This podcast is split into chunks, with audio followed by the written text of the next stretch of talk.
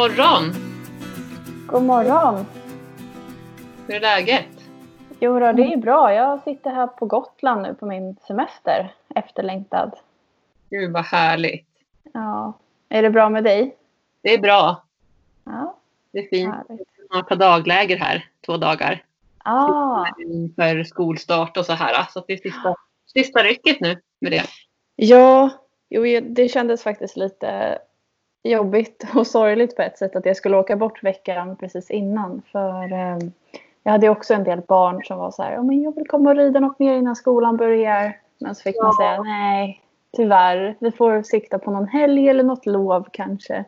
Ja. Eh, ja, för det är många av dem som, har, som rider hos mig som är ifrån in i Stockholm eller så. Så att de åker ju ganska långt. Så det är svårt att rida efter skolan liksom. ja. Ja, Samtidigt så var det väl välbehövlig semester för din del. ja verkligen. Ja, men det har längtat efter att få åka bort och ja, bara koppla av lite. För det går inte att göra det när man är hemma när man har liksom nio hästar och en gård och katter och allt möjligt. Det är alltid någonting som är på gång. Liksom. Eller hur? Det är en livsstil liksom när man har, har så många djur och sådär som du har. Ja, Det är det även för mig, även om jag har tre hästar nu. Men det är, liksom, det är livsstil att vara hästägare. Ha dem hemma. det är Men- det. Har, när, var, när kom ni då? Till? Ehm, vi åkte ehm, i måndags på...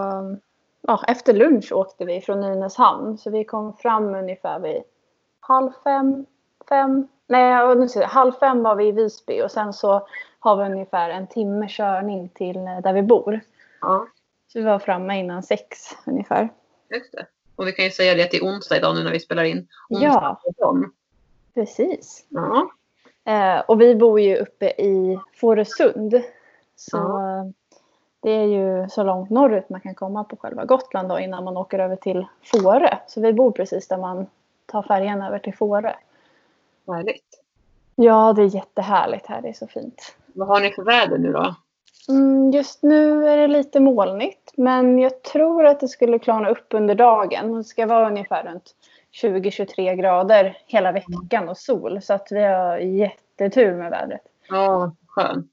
Ja, verkligen. Ja, Jag också att det blir varmt nu den här veckan fortsättningsvis. Ja, ni skulle ha ännu varmare va? Det blir 28-29 grader i helgen. Oj, ja. Att det här är nog sista rycket för sen skulle det väl vara lite svalare och lite mer regn och sådär. Men det kan ju också hinna ändras så det vet vi ju inte än ändå. Nej.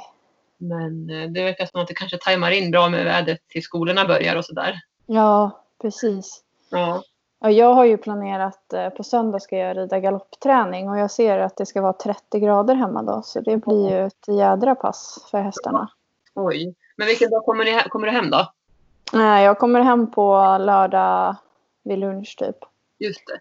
Ja, så eh, ska jag iväg på middag på kvällen där. Men eh, ja, sen som sagt på söndag då ska jag köra igång igen med träning. Så Mm. jag är ledig fram till på söndag. Mm. När börjar du på ditt andra jobb sen då? Ja, det är nästa vecka egentligen på måndag. Ja. Eh, Så att jag behöver strukturera upp nu. Det känns ju lite konstigt när man har varit ledig så otroligt länge som jag har varit. Ja, sen i maj väl? Det? Ja, ja. Ja, jag har inte jobbat sedan i maj så nu känns det jättekonstigt att liksom ta tag i det och jag ska göra massa utskick och svara på mejl. ja. Så det gäller att planera nu vad jag ska, hur jag ska strukturera upp vardagen. Mm, men jag håller med. Jag känner lite samma där. Nu har jag verkligen liksom, dels varit ledig en hel del och varit hemma med hästarna och väntat in nya hästen som nu har kommit. Och Ja, det går ju ett liksom, men samtidigt så har det varit semester. För jag också känner någonstans att när man är med hästarna så där så får man ändå avkoppling och njuter Ja. av. Eh, men däremot mitt andra jobb har jag också självklart jobbat med men inte lika mycket så nu blir det mera fokus på det här till hösten här nu då. ja, Så ja, det är kul. Men det är ju som du säger mycket planering som ligger bakom. ja. Jo men det är ju det. Alltså det är ju kul när man är igång men jag känner alltid att det är så inte riktigt ångestladdat men det känns ändå lite jobbigt att börja jobba när man har varit ledig länge. Mm. Att man liksom känner det här, åh shit, det var så skönt och hur ska det gå nu med Ja. allting? Ja, men det är klart, ja, du, då tänker du på din anställning du har nu liksom. Ja, Ja. Mm. Jag känner igen mig så vet jag att jag också tänkte, tyckte förut. Ja. Semester och så. Nu hade jag visserligen fyra, fem veckors semester då när jag var anställd. Så det ändå lite skillnad mot hur du har haft nu ändå varit ledig. Ja. Du är ledig hela somrarna ju. ja. Jag kan tänka att det är många som känner samma sak nu när man ska komma igång och jobba igen efter semester. Ja. Många har ju en anställning och så. Men det är skönt. Jag har ju, även om jag är anställd så har jag väldigt mycket frihet. Och jag, ända fram till eh, vecka 37 tror jag har jag typ planering och alltså strukturering av höstterminen, utskick till eh, eh, blivande konfirmander och de som ska gå på barnverksamhet och sånt där. Så att det är mycket administrativt nu först. Sen så kör det igång typ från vecka 37. Så att jag har ju ändå ganska många veckor kvar innan jag ska börja jobba på riktigt. Liksom. Varje tisdag, torsdag, eftermiddag, kväll. Just. Mm. Ja, så det, det är skönt. Men, och det blir också kul när man väl sätter igång. Det, jag har ju såklart saknat, saknat jobbet. Mm. Mm. Och jag har planerat här nu för hästskötarkurserna för de startar, vad blir det om en och en halv vecka då? Ja, 4 augusti startar jag igång med dem. ja, vad kul. Det är måndagar, onsdagar och söndagar som vi kommer köra hästskötarkurs. Det är många som har frågat efter det och som har stått på kö och sådär. Ja, Okej. det är Men kul. ja, det är jätteroligt att du liksom har det på, på, på rull. Liksom. Mm. Jag har ju också... ehm, alltså jag har ju flera av dem som har kommit nu i sommar som skulle vilja fortsätta rida hos mig. Både vuxna men även barn. Och det Mm. vore så roligt om man skulle kunna få till det på något sätt. Men jag har ju som sagt det där hindret att de bor ju ändå långt bort. Ja, Vi snackar ju in i Stockholm och det tar ju ändå minst en timme för dem med bil ut. ja. Så det, det är lite knepigt. Men eh, jag har ju en, en målbild om att jag någon gång i framtiden kanske kan ha lite som du har med Mm. någon gång i veckan. Eh, Mm. Att man får komma och vara med i en grupp så. Mm. Jag har, så. jag, jag har faktiskt barn som rider varannan vecka också. Ja, okej. Det kan ju vara ett alternativ också så här, om de, de känner att de har långt att åka tänker jag från Stockholm till dig. Att kanske de kan tänka sig att komma varannan vecka. Visst, det blir inte lika intensivt. Alltså det blir inte lika mycket då. Det blir kanske förstås rida varje vecka. Det blir rida fler gånger i veckan också. Men det kanske är bättre än ingenting till exempel. Ja. Och det kanske kan lättare få få in, komma in i ditt schema också tänker jag.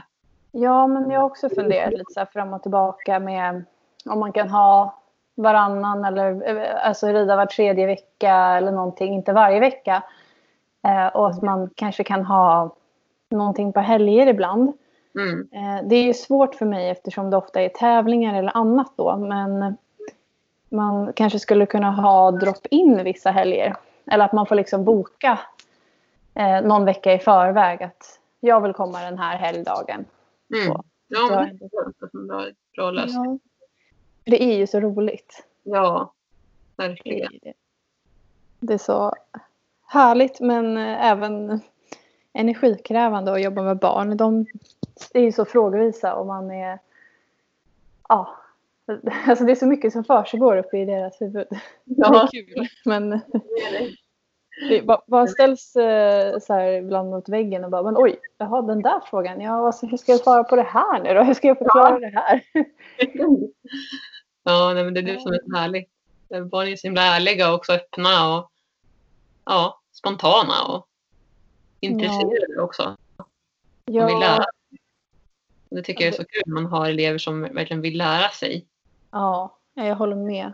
Och fokuserar och koncentrerar sig på uppgiften. Det är så härligt Ja. det tycker jag. Ja, verkligen. Sen är det också kopplat till ålder förstås. En del barn ju lite svårare med det. Men det kan ju vara för att de är lite yngre och sådär. Jag ser ju bara på mina egna barn. Som är mina pojkar som är fem och sju. Ja, Den, den äldsta han har ju lite lättare att fokusera på en uppgift. Till exempel om man ber honom att gå, gå iväg med soporna eller vad det nu kan vara. Liksom dammsug. ja, Fokuserar han på det medan femåringen han är mer så här, ja men han börjar på men sen efter två sekunder då har han glömt vad han skulle göra så håller han på med någonting annat. Så det är lite olika från barn till barn men också ålder förstås. ja. Så det är lite utmaningar också. Jag har ju en del barn som är både fem och sex år. Och, Mm. men de flesta är ju runt 10, 11 där så vidare. Ja, det är ju enorm skillnad. Eh, alltså, jag, har ju, jag har ju också haft någon som har varit typ 6, 7, alltså 6 och 7 år. Mm. Har jag mm. haft några stycken och sen runt 8. Ja. Men det är sån stor skillnad när de kommer upp runt 10, 11, 12. Ja. Då är det mycket, mycket äldre verkligen i sinnet. Ja, verkligen. Men det, ja, men... har sin charm med de olika åldrarna. Ja, verkligen. Och det är samma åldrar som jag jobbar med på jobbet också. Så jag känner ju igen det där. Just det.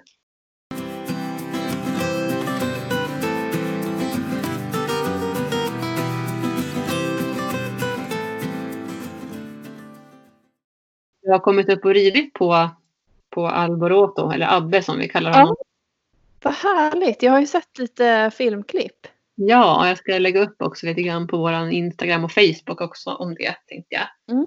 Eh, måste tänka vilken dag det var jag satte upp. Men det var sex dagar efter att han kom så satte jag mig upp första gången.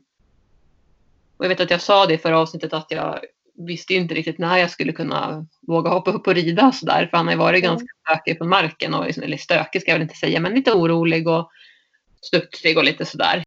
Jag varit förvånad för jag trodde att det skulle ta mycket längre tid. Så ja, när jag såg att hade suttit upp så bara va? Ja. Redan? Ja, det trodde jag också i början. Men saken är att han har, nu har han verkligen börjat landa här. Och han känns liksom lugn och trygg och följsam. Och när jag kommer, han söker sig till mig, han vill följa mig. Bara jag kommer i hagen och liksom börjar gå framför honom så kommer han och går efter utan att han har grimman på sig. Så han vill ju liksom följa. Och med sänkt huvud och sådär. Sen är det klart att han är ung häst och fem år och helt plötsligt så om man hör någonting så kan han bli lite skraj. Ja. Väl så gillar han inte när man kastar in äpplen i hagen. Du vet Herman och Jiggy, när man slänger in äpplen till dem, de springer ju fram. Ja. Vi har egna äppelträd hemma så nu har de börjat få några stycken sådär. Och så tänkte ja. vi ska Marlboro också. Så jag gav honom då i en hink först så där, och tittade vad konstigt det här var liksom. Ja. och sen så vet jag att jag kastade in lite längre framför honom, inte nära liksom, men ändå, vet, han blev jätterädd. Så han är inte alls van. Ja. Det var lite så här fladdrande påsar eller höpåsar och sånt tycker jag fortfarande är lite småläskigt. Han har börjat lära nu att det är mat i dem där så de är inte så farliga. Men när jag kastar iväg en tom påse utanför hagen då liksom blir jag lite rädd för den. Ja. Så det är mycket sånt där som man ska träna på. Eh, men som sagt, nej, så jag trodde att det skulle ta lite längre tid innan jag skulle kunna sitta upp. Men jag kände ändå där och då att nej, men han är lugn, han, är, han lyssnar. Och jag fick ju också rådet av Sofie som har hjälpt mig att förmedla honom att hon trodde att han skulle skärpa till sig när jag satt upp. Hon sa att är du orolig så kan du ha en som leder dig. Jag tror att jag sa det också tidigare avsnitt här.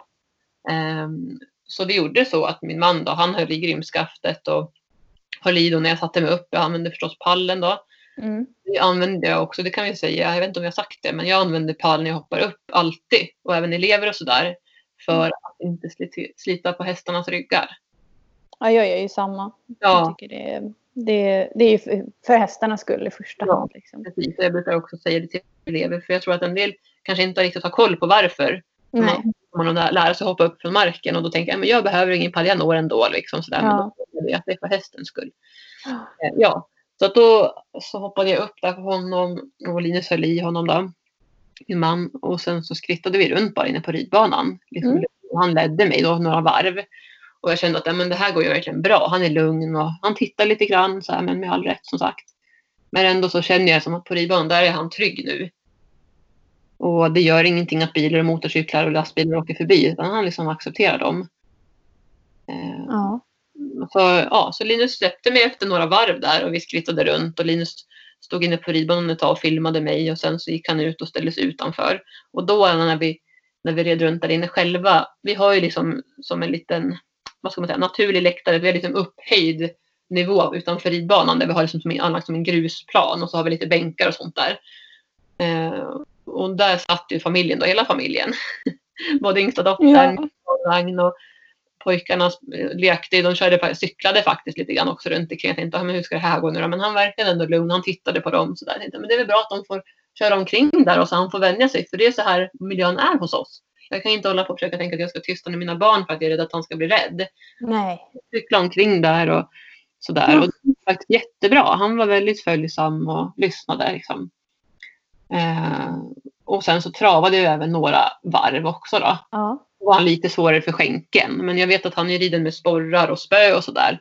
Okay. Jag vet inte om han alltid har ridit så varenda ridpass. Men det jag har sett och så, så har, han ju, har de ju haft både sporrar och spö. Så att, jag tänker att han måste väl lära sig då hur jag kommunicerar, hur jag använder mina hjälper med honom.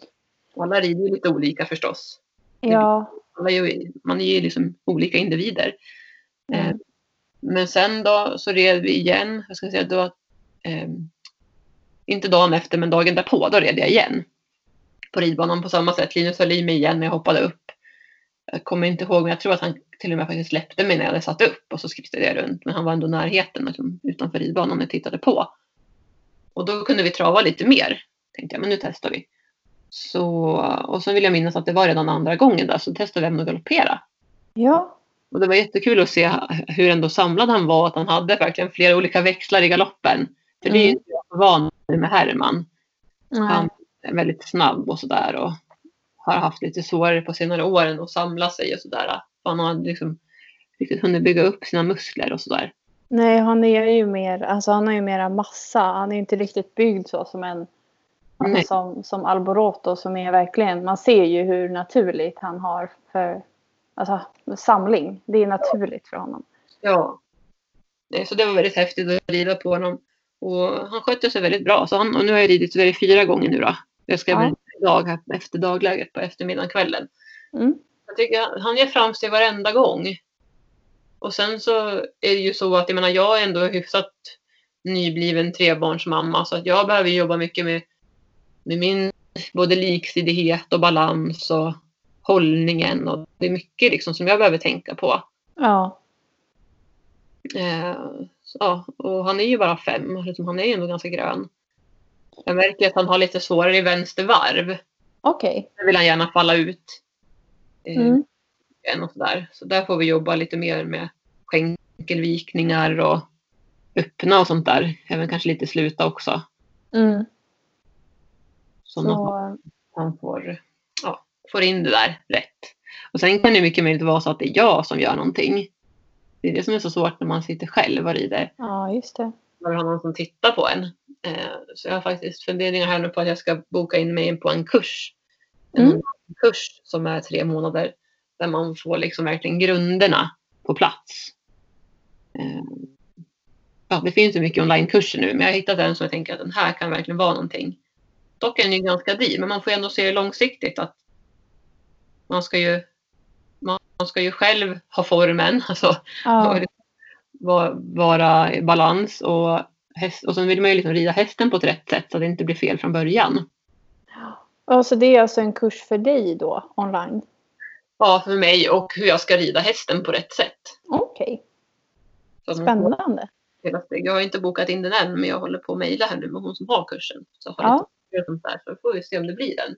Eller om jag Ja. hittar någonting annat. Eh, Men den kändes väldigt bra tyckte jag.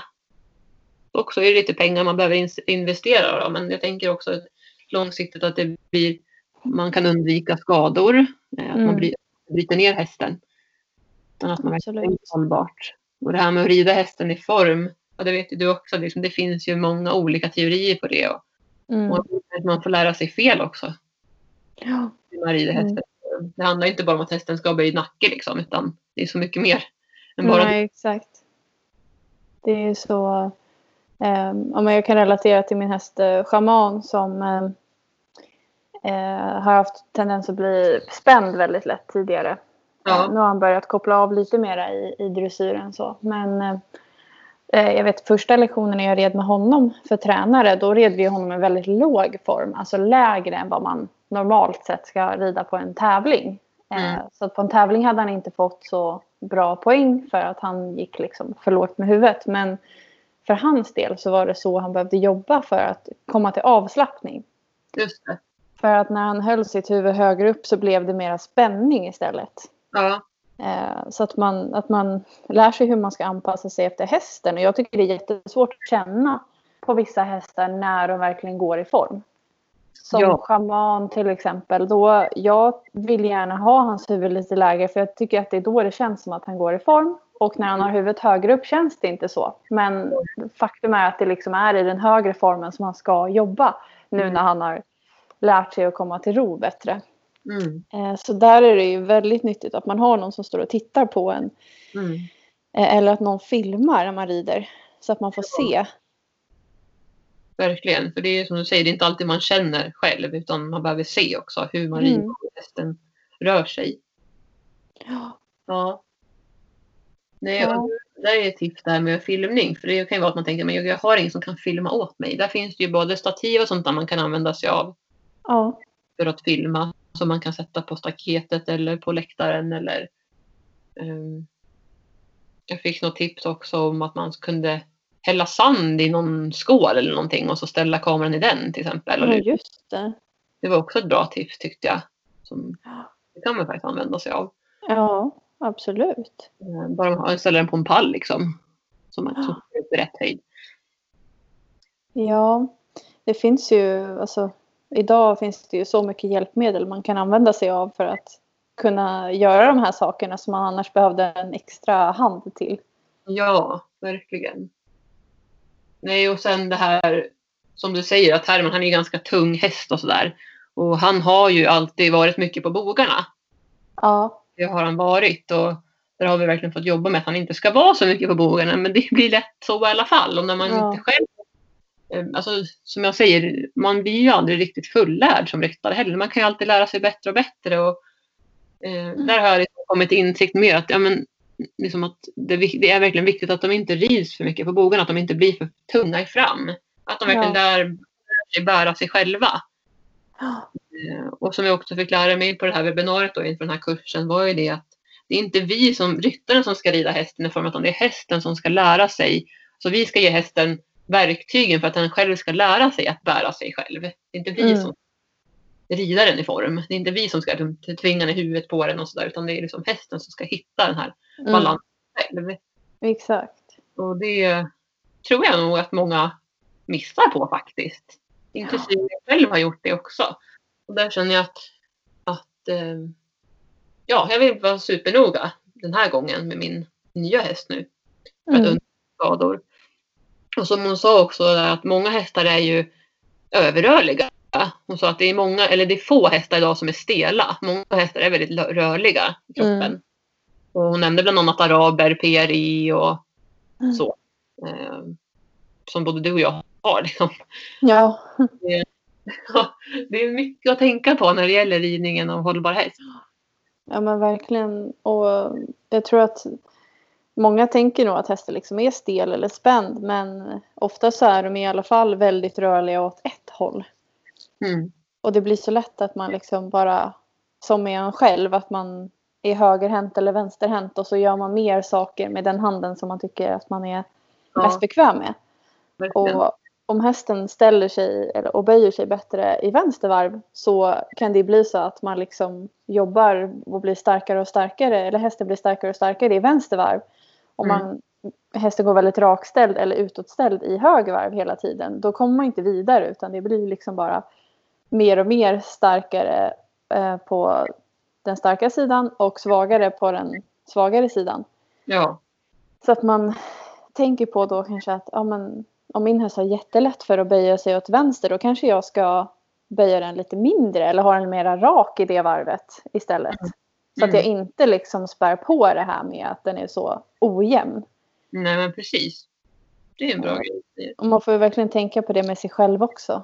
Jag Mm. kommer ju på mig själv. Alltså, vi, eh, både du och jag gick ju den här kursen i eh, som Rykta Fysio hade online med träning för en själv. Eh, och jag tänker så ofta på att jag är lite framåtroterad i min högra eh, skuldra eller axel. Ja, Så att jag Ja. sitter liksom lite, alltså den är ju alltid lite mer framåt. Och jag tänker på det när jag sitter i soffan eller i bilen. Jag sitter alltid så.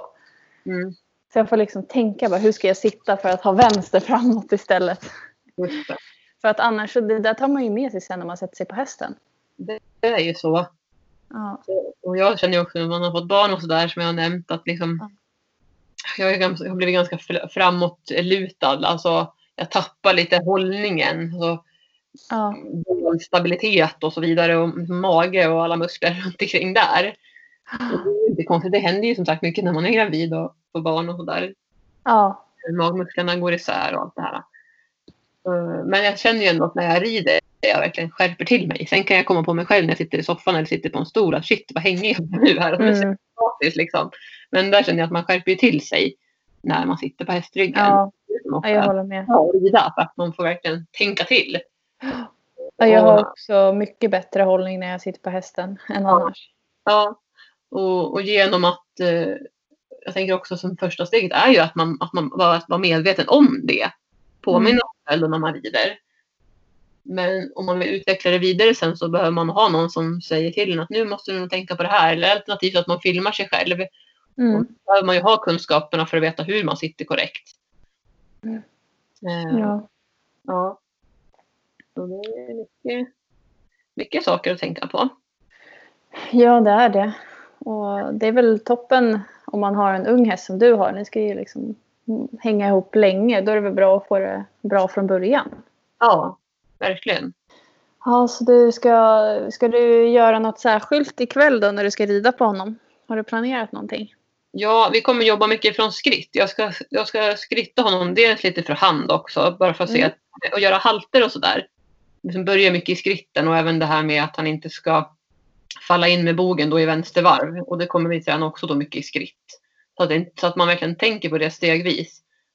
Man inte då rider, nöter för mycket i, i trav och galopp då, utan att man börjar från början då i skritt Mm. man börjar behärska det. Sen får vi lite se också. Jag vill ju börja rida ut lite mer. Kanske Mm. jag kan rida ner till Sommarhagen om min man kan följa med. Då. Mm. Barnen och sådär. Och jag vill inte att barnen och min man heller förstås ska komma i vägen om han blir skrämd för saker. Så det är en utmaning. Ehm, Men som sagt, Sommarhagen är ändå en väg som, som inte är speciellt lång och sådär. och Det är inte direkt en trafik, de är den lilla korta biten på asfaltsvägen. Så den tänkte jag se om vi kan rida ikväll också då. Och Okej. sen lite längre fram här till helgen så kommer eventuellt eh, en kompis som ska ta Herman och sen så ska jag rida på Alvoroto. Så får vi se om Mm. vi kan ut på en lite längre tur. För jag vill ju börja se hur, vad han går för, som sagt, ute i skog och mark. Mm. Eh, och även i trafiken liksom. Där behöver man ju vara väldigt försiktig. Ja, det är klart.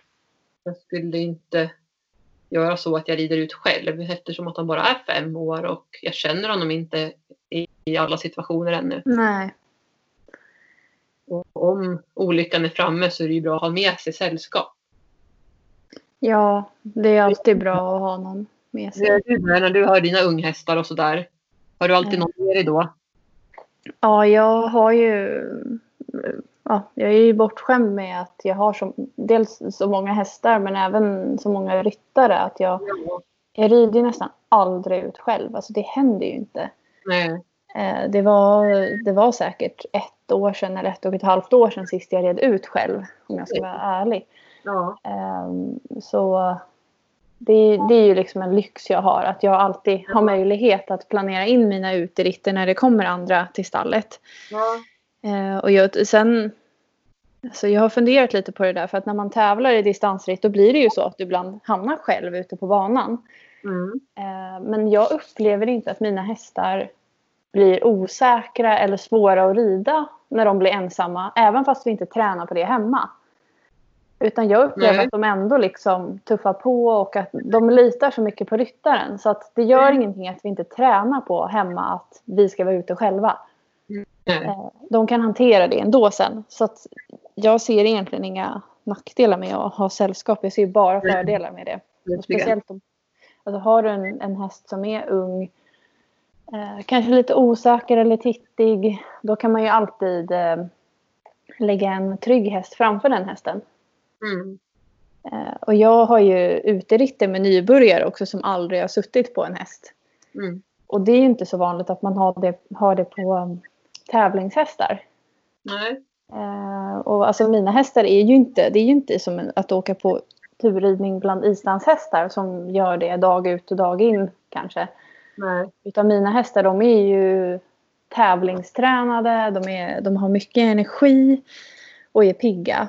Eh, men det går bra att rida ut med nybörjare för att vi är ofta fyra, fem hästar. De är en flock. De känner varandra. Vi har liksom en trygg häst längst bak och sen så kan man sprida ut de andra hästarna. Och, alltså, det är så himla bra. Ja, det låter jättebra. Eh, och jag, eh, vi hade ju rookie-ritten här i söndags hemma hos mig. Just det. Mm. Och då började vi med en föreläsning som jag höll i om distansritt och vad det är för någonting och hur jag börjar med det och sen hur det går till på en Ja. tävlingsdag. Sen efter det så gjorde vi ordning hästarna och så red vi ut och då var vi, jag tror vi var 14 ekipage. Mm. Eh, och av dem så var det sex stycken hästar från mitt stall. Varav tre stycken hade ryttare som aldrig hade suttit på dem tidigare men de, hade, de var vana ryttare. Liksom. De red på ridskola regelbundet. Mm. Men de andra hästarna, eh, det var ju helt gröna ekipage. Det var en som hade varit med på våra andra pain ride som vi har haft. Men de andra, de, de var gröna. De gjorde lite olika saker. Någon red jakter med sin häst och någon, några islandshästar och sen var det lite blandat. Mm. Och alltså, jag vet inte, jag har lagt upp lite filmer på, inst- på min Instagram, eh, blomlugn endurance eh, bland annat. Där finns det och sen finns det på vår Facebook-sida Fastärna hästsportförening. Och där kan man se liksom när vi kommer alla ekipage på led. Mm. Eh, hästar som inte känner varandra, som träffas för första gången. Och alltså det gick så himla bra. Vad kul. Ja. Jag, Alla såg, jag såg det inlägget du hade gjort där. Liksom. Ja. Att det var jättemånga hästar. Och jag förstod också det att de här hästarna känner ju inte varandra. Liksom. Det är ju så Nej. häftigt att se det, hur bra det, hur bra det går. Och, Ja, men visst är det. Och jag, jag satt och tittade på de här filmerna flera gånger efteråt och tänkte på att ja, men, alltså det är fantastiskt liksom hur, hur en sån grupp som aldrig har träffat varandra tidigare bara kan finnas i att nu är vi ute tillsammans, vi skrittade och sen travade vi och vi tog någon galopp också allihopa. mm. Och det var kontrollerat och det var ingen liksom som red om någon eller någon häst som blev stökig utan allt bara flöt på. Mm. Och jag tror verkligen att det är för att mina hästar, eh, nu ska vi se, den ena hästen gick sist Mm. och sen så hade jag fem hästar längst fram. Ja. Och sen däremellan var de här hästarna som inte, som inte hade så mycket rutin och eh, lite längre bak var det den hästen som hade varit med tidigare på Pain Rides. Så att alltså, jag tror att de här oerfarna, de kände sig trygga med hästarna som var med fram till och bakom också. Det tror jag också. Det låter ju verkligen så. Ja, och jag blev så glad liksom, när jag tittade efteråt och tänkte att ja, men, det är fantastiskt att vi liksom kunde vara 14 ekipage och bara galoppera på en rak grusväg i kontrollerad lugn galopp. Mm. Eh, några hade kanske aldrig ens gjort det tidigare. Nej. Så, eh, Det är, men, ser man ju verkligen hur viktigt det är att hästar är flocker och att de, de följer ju varandra. Liksom. De, ja. blir en häst rädd, men då blir de andra oftast också det. Ja, De håller sig hästarna lugna så då smittar de ju av sig ett lugn på de andra. Eh, så jag tänker att när du, om du rider ut med en vän som rider på Herman och Herman är lugn och trygg så kommer ju säkert Alboroto ta stöd av honom. Precis vad jag tänker också. Jag tror det, för Herman är ju verkligen en trygg, en trygg herre. Ja. Och jag tror att det kommer att gå bra. Men det, en- det som jag är orolig över det är väl vägen då kan jag säga. För att det är, Mm. utanför oss är det 50 km i timmen och sen blir det 70. Mm. De flesta saktar ju av, alltså både sig det gäller lastbilar, personbilar och sådär. Men det händer ju att en del inte gör det riktigt. Det var till exempel häromdagen var det en tjej. Hon saktade ner lite grann men hon såg väldigt glad ut och vinkade liksom. Men hon fattade Mm. inte att hon körde för fort ändå. Nej. Där ser man det finns inte kunskap tror jag hos många. De förstår Nej. inte hur sakta behöver man köra förbi en häst. Och, för Alltså, klarar ju det. Att det går- kör en bil förbi fort, det gör ju mina Herman, min Herman och Gingis. De klarar det utan problem. Men jag är inte säker på att Alboroto skulle göra det. Om det Mm. är någonting som skramlar till. Det behöver ju inte vara från bilen. Det kan ju vara någonting annat. Det kan vara en stor fågel som helt plötsligt flyger upp eller ett rådjur som Mm. åker fram. Så blir det det de blir rädda för. Så att det behöver ju inte vara bilisten som gör någonting. Utan det är där jag tror att inte kunskapen finns riktigt. Dels att många inte vet hur hästar funkar, alltså att de kan bli skrämda för saker som händer runt omkring och att man kanske inte heller förstår att det är faktiskt bilisten som bär ansvaret om en olycka skulle hända. mm. Jag håller med. Det, Ja. ja, det kan jag ju säga när vi körde det här ruck- rookie-ritten med 14 ekipage. Då var det ju stor skillnad mot hur det brukar vara när folk passerar. Det var någon som körde för snabbt. Men eh, alltså det var många som blev rädda och inte ens vågade köra om. Och det Ja, förstår jag, för det var ju, vi, var ju, vi tog ju upp många meter med Ja. liksom, ett led på, med 14 hästar. Ja. Eh, men eh, jag, eh, ja, jag tror verkligen som du säger att många har inte kunskapen. Och när man liksom vinkar att de ska sakta ner så vinkar de glatt typ istället. Ja, Eller ibland så ser man när de sitter och svär bakom ratten istället. Ja. Eh, Men jag brukar göra så när det kommer lastbilar och sånt så eh, går jag alltid lite åt sidan. Så jag har ju mina ställen där jag vet att det liksom går som en liten skogsväg in eller Mm. alltså, att- in på någons eh, vändplan eller så, bara en, en liten bit. Eh, för jag har ju två hästar som är rädda för eh, motorcyklar om det kommer många. Mm. Och eh, traktorer och lastbilar och sånt. Alltså de, blir, eh, de försöker eh, sticka hemåt eller liksom vända runt och så för de tycker det är obehagligt. Men så fort Mm. vi ställer oss lite åt sidan så går det jättebra. Mm. Men har du också så här möjlighet att gå lite åt sidan eller hur ser det ut för dig? På vissa ställen finns det det. Precis här där vi bor. Där är det lite så här. Någon infartsväg som sagt ner till Sommarhagen. Vad kan det vara? Är det 50? Det kan vara 50-100 meter någonting då att gå på asfaltsväg. Mm. Ner till Sommarhagen. Där kan man ju svänga in lite. Och sen vid någon grannes grusplan går ju också att svänga in på. Sen är det lite längre nedförsbacke där vid 70-skylten. Där finns det ju då en, en, grusväg in men den är ju liksom på vänstra sidan. Så är man på väg iväg från stallet då måste man ju rida över vägen för att komma in på den. Så att, och plus Mm, att okej. cykla. Så att, ja, det finns några få ställen men den är liksom inte helt säker. Och sen är det någon, så här kull, någon backe också där upp så att det är lite skymd sikt. Så kommer någon bil och kör 70 kilometer i timmen, vilket man många gånger gör där. Så kan det bli ganska Mm. om man får bromsa in. Så alltså, det, är jätte, det är svårt här. Och det, så tyvärr så är vi tvungna att rida på vägen om vi ska kunna rida ut i skogen överhuvudtaget. Så vi måste Mm. det. Vi kan inte komma in. Rakt över så är det en stor granplantering och där går det inte att rida. Liksom. Nej. Vi måste gå på vägen. Och jag tror att många gånger så kanske inte alla bilister förstår det. Heller att de tänker, men vad gör ni ute på vägen om ni, liksom, om ni har en rädd häst? Men många gånger Mm. har de val. Nej. Nej, så är det för mig med. Jag har ju en kilometer åt alla håll minst på asfalt. Ja, Jag kan inte rida över åkrarna för att det, då blir inte markägarna glada. nej. Det kan vi liksom inte göra. Jag skulle ju verkligen vilja komma bort från den där asfaltsvägen men det går inte. Jag måste rida där liksom. Mm. Ja, så då får man samsas. Det Det- kommer ju traktorer som fraktar hö och sä, säd och allt möjligt så här års. Mm. Och de jobbar där, och, men jag jobbar ju också där när jag är ute och rider. När jag Mm. har mina grupper liksom. Det är ju mitt jobb. Mm. Precis. Så man får, man får samsas så gott det går.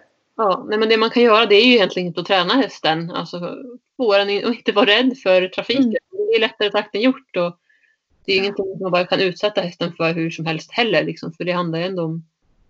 Så det kan ju bli farligt. Mm. Alltså, det kan. Men försöka så gott man kan och att man alltid har med sig sällskap när man ska ut på vägen. Ja. Nu så känner jag mig väldigt trygg med Herman Gingis men det har ju liksom blivit mera tydligt för mig nu när jag skaffat min nya häst. Att ja, det, det är inte helt optimalt liksom med vägen som vi har. Nej. Börja försiktigt och så. Och, alltså jag ska säga så här också att jag har ju fått filmer när de har ridit på honom inne i stan.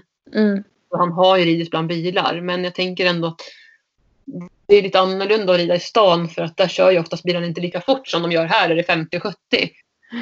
Och det är liksom en lång rak sträcka en väg så det kan ju vara så att han känner sig trängd. Mm. Men- Jag säger att jag har ju inte ridit på vägen och mött en bil än så jag vet ju inte hur han reagerar. Men han re- reagerar ju bra när vi är på ridbanan och där kör ju bilarna precis utanför staketet. Så det kan ju mycket väl gå bra men det är ju ändå Säg att det går bra 99 av gångerna Mm. den ena procenten så går det inte bra. Då blir hästen skrämd. Det är det där som är läskigt. Och, så att, ja, man önskar verkligen att alla bilister eller alla trafikanter saktar ner och anpassar hastigheten. Det är ju Mm. det som är det viktiga. Där. ja. Verkligen. då gör ju vi ryttare det vi kan med våra hästar. För att Mm. det ska bli så bra som möjligt. Säkert. Ja, man kan ju inte gå ner i diket. Det är lite svårt också. Så vi måste hålla oss där i, i vägrenen. Ja. Ja. Men eh, vad sa du, när, hade ni planerat någon dag som ni skulle rida ut? Eller? Det står bara i helgen men det får nog nästan Ja. bli på lördagen som det verkar. Jag ska dubbelkolla med min kompis om hon kan komma då. Mm. Eh, Och så har jag en till kompis också som tyvärr har fått tagit bort hennes häst här. Jaha. Det är väldigt mycket tillsammans hon och jag tidigare då. Nu var det visserligen ett tag sedan men jag så erbjöd även henne att hon kunde få rida på Herman då i skritt och så. Och sen så snart kommer de ju tröska på åkrarna här vid våran sommarhage så då har jag tänkt att jag även ska passa på att rida där med honom. Ja. Eh, Med båda två. Men Herman ska ju mest bara skritta om man har vuxen ryttare. Han ska ju liksom inte gå på för hårt och sådär. Nej. Och det är ju samma med Albaråt också för det är ju väldigt mjukt på en åker. Så, och det är inte säkert att han är så speciellt van att gå på så mjukt underlag. Så där får vi ju träna också försiktigt. Så att det Mm. inte blir för mycket belastning och variera, variera ställena vi rider på. Både på ridbanan och på, på åkermarken då. Så länge det går innan de tröskar där och så då, eller innan de harvar. Ja. Ja, Ja, men vad kul att ni ändå har eh, massa på gång då. ja det är jättespännande och roligt då. Ja, man är sugen att rida varje dag.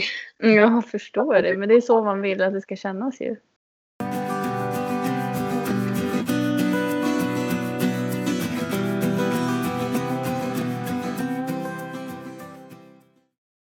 Men eh, visst hade det hänt en tråkig sak för dig va? Ja, i eh, helgen här i, i lördags kväll så fick en av mina hästar eh, kolikkänning. Eh, och jag och eh, Otto, min sambo, vi var iväg på middag hos hans familj. Så det var min pappa som som tur var hade någon känsla av att han bara skulle gå ut och titta till hästarna på kvällen. Ja. Och eh, då låg den här hästen i lösdriften och svettades och var liksom tydligt eh, påverkad.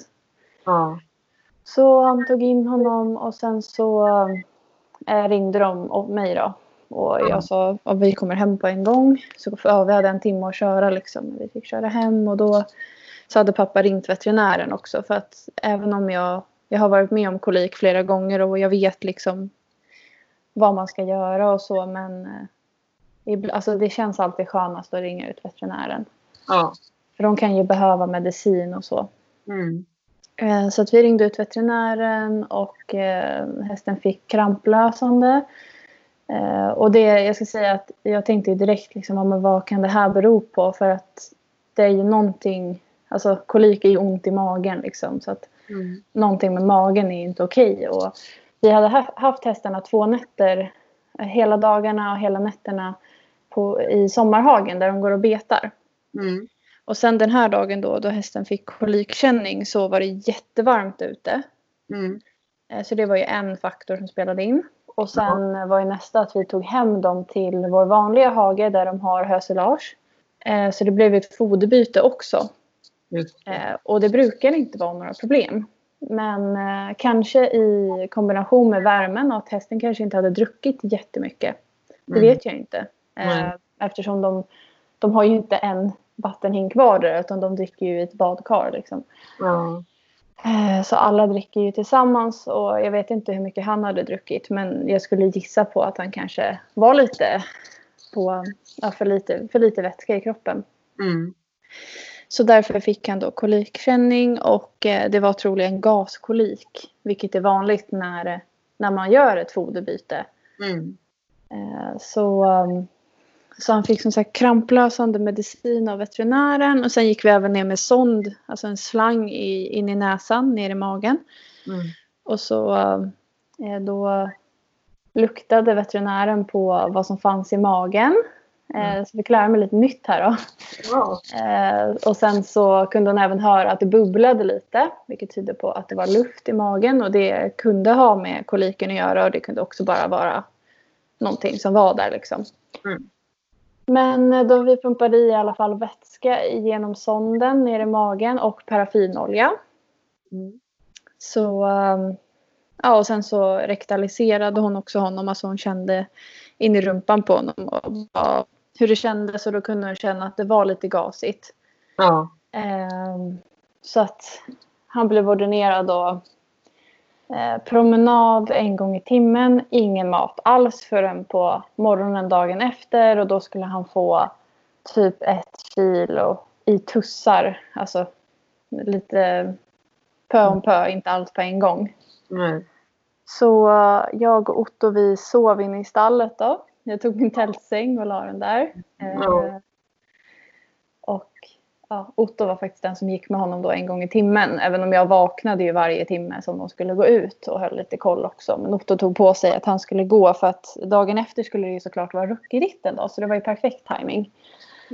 Eh, så ja, vi, vi var ute och gick och det liksom kändes som att det blev bättre. Och sen på morgonen verkade han må bra. Men han fick stå installad då. Eller uppstallad. Och ja, vi körde rookie-ritten och så. Jag red en slinga och sen efter den slingan så såg jag att hästen låg nere i boxen igen. Och han såg inte ut att må dåligt men jag tänkte ändå hmm, det Mm. kan ju faktiskt vara någonting som inte är okej nu igen. Mm. Eh, Så jag gick ut med honom och han ville inte liksom äta eller så. Och då kände jag att nej, nu, nu har han... Det har inte släppt riktigt. Det är fortfarande någonting som inte är okej. Och det här var ju då... Vad kan det vara? Ett par timmar innan vi skulle åka till Gotland. För vi skulle ha åkt egentligen natten till måndagen. Ja. Och det här eh, andra kolikkänningen var ju då mitt på dagen, kanske vid två på söndagen. Mm. Så typ 12 timmar innan vi skulle åka och jag kände att äh, men, jag vill inte åka till Gotland. Det här känns så jobbigt. Liksom. Ska jag lämna honom och allting? Nej, vi, vi ringer veterinären igen. Så jag tog ut veterinären en gång till. Mm. Ehm, och ja, då när veterinären väl kom efter typ en timme då hade han börjat, velat äta igen och han var mycket piggare för vi hade varit ute och gått med honom. Så Ja. jag tror att det hade släppt igen då. Han fick ju bara, alltså det kommer att gå lite i skov när de har gaskolik ofta. Ja. Så han fick väl liksom en liten känning men veterinären sa att jag fick bestämma själv om jag ville att vi skulle sonda honom igen och så. Och då sa jag att ja, när du ändå är här så gör vi allting igen för att Ja. då har vi liksom de bästa förutsättningarna och just att jag skulle åka bort också kändes det, då kändes det extra skönt att liksom göra så Ja. mycket man kan. ja, det förstår jag verkligen. Så han fick kramplösande igen och sondades. Eh, och sen så var det börja om igen då, ingen mat. Mm. Så eh, måndag morgon fick eh, han börja äta lite igen. Så har vi trappat upp det successivt. Men vi, jag lyckades boka om vår färja så att vi åkte ju då eh, efter lunch i måndags, måndags istället. Så jag hann fixa lite med honom och se så att han verkade må bra.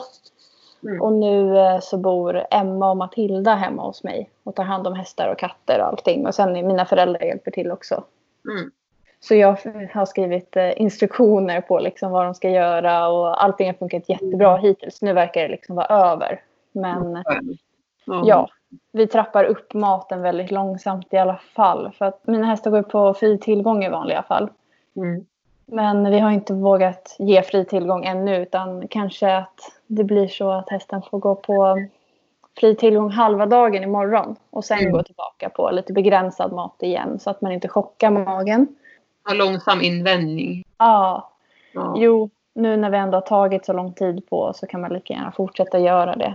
Verkligen. Eh, Men som sagt, ja, jag har, det har inte varit något problem tidigare med foderbyten. Men jag får väl tänka lite nästa gång, speciellt om det är varmt väder och sådär. Att man håller lite extra koll på hästarna. Man kan ju ge dem lite mash. Alltså, jag har ju, han har ju i princip fri tillgång på... Eh, jag ger ju total ett foder som inte är ett kraftfoder utan det är ett tillskottsfoder. så. Mm. Eh, och det tar jag och blöter några deciliter. Eh, så att det liksom smakar gott och det är foder på botten. Och då triggar man ju lite att de vill dricka. Mm. Så det kan man ju göra för att förebygga till exempel. Eh, men ja, det var ju inte den bästa starten på min semester. Verkligen Och sen är det så himla typiskt för det är verkligen så att alltid när någonting händer så är det på en helg. Mm. Alltså det, det slår aldrig fel. Så det var ju liksom jourtid och allting. Så att jag hoppas att jag kommer få tillbaka lite på försäkringen. För att jag vet att det ena besöket kostade liksom 6 500. Så att Mm. det, är inte, det är inte bara så här, åh gud vad kul. Nej, nej, verkligen inte. Nej, men då tänkte jag liksom när jag ringde ut veterinären andra gången att ja, jag vet ju att det här kommer kosta skjortan men det är ju ändå hästens hälsa som är viktigare. Det är mycket viktigare än mina pengar. Det, det är bara att betala. Man gör ju det man kan för sina djur. Liksom, så är det ju bara. Ja. Det är bara att bita det sura äpplet. Liksom.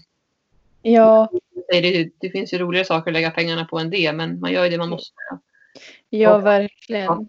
Förhoppningsvis får du tillbaka på försäkringen. Jo, men jag tror det. Eh, Jag har väldigt bra försäkring på mina hästar så att de, jag tror att jag får betala. det brukar ju stå i villkoren och sådär på sin försäkring. Ja. Om det innefattar kolik och sådana saker också. Jo, jo men jag ska ju ha, de ska ju vara hel, helförsäkrade för allting. Liksom. Jag tror jag har veterinärvård på typ över 100 000 för att det har Ja. jag faktiskt behövt en gång. Ja. Och det är det viktigaste. Så att jag, har inte, jag har inte mina hästar så högt försäkrade i livvärde. Jag tror att alla är på typ 20-25 000 även om de är värda mycket mer än så. Och det är för att eh, jag känner att alltså, pengar kan ändå inte ersätta mina hästars värde för mig. Nej, Och, Nej. Det, jag, har, Ja. jag har högt som du säger veterinärvård men inte liv på Herman och Gingis. Däremot nu så har jag Alboroto han är fullförsäkrad. ja, Det, har- det jag har köpt honom för och mm, ja, maxbelopp. Och det blir ju svindyrt. Ja. Men jag tänker i alla fall ha så nu här i början ihop med ja. och allt det här. Liksom, det är ändå värt det. Sen som du säger så kan man sänka ner. Jo, men absolut. Och sen, alltså, har man, mina hästar har ju inte varit dyra i inköp. Det har jag pratat om tidigare. Det är väl någon häst som har kostat typ 40 000. Det är Ja. den dyraste hästen jag har köpt. Mm. Ehm, och sen, eh, alltså livvärdet drar ju upp försäkringskostnaden enormt. Nej. Och det jag har haft mest användning av är ju just eh, veterinärvården. Ja. Så jag tycker det är det viktigaste. Sen försäkringar kostar men eh, som sagt jag har ju använt eh, här när han blev skadad då gjorde vi av med allt. Alltså vi maxade hans veterinärvård som var typ 120 000 eller någonting. Mm. Ja, och han behövde ju opereras och sånt där så att det, då var jag glad att jag hade den här försäkringen. Verkligen. Mm. Och även om man, man hoppas ändå att man ska få slippa använda försäkringen så är det verkligen bra när om man väl behöver det. Liksom. Och det var samma när vi var inne med Herman också. Nu, nu toppade vi ju inte det då, för det var inga operationer och sådär men det var ändå röntgen och massa undersökningar och återbesök och så vidare. Så att, Mm. och samma med Gingis också när han fick fång och med hans PPID och sådär. Så det har varit väldigt bra med försäkringarna. Ja. Ja, nej men det, det är inte alltid det är inte kul när de blir sjuka eller skadade. Då, är- då är det jobbigt att vara hästägare. Ja. Det finns en baksida. Ja. Men eh, ja, vi får hoppas att det dröjer länge innan det blir något nytt med någon häst. Ja, jag hoppas att han får må bra nu då. Ja. Jag hoppas att det håller i sig. Ja. Och sen får du fortsätta ha en härlig semester nu då. Ja, det ska jag. Ja. Och så, ja, jag ska iväg till eh, Fårö här nu och, och um, åka till någon strand kanske om vädret eh, sprick, om det spricker upp lite på himlen tänkte jag. Det blir lite Ja. soligt. ja. Och du, du får ha ett härligt eh, dagläge då. ja, jag ska gå ut nu för jag tror att kanske till och med att de har kommit. Den är 10-10 nu här så vi börjar klockan 10. Härligt. Det blir kul. Ja. Ja. Ha det så bra allihopa. Ha det så bra så hörs vi. Det gör vi. Kram, kram. Kram. Hej då.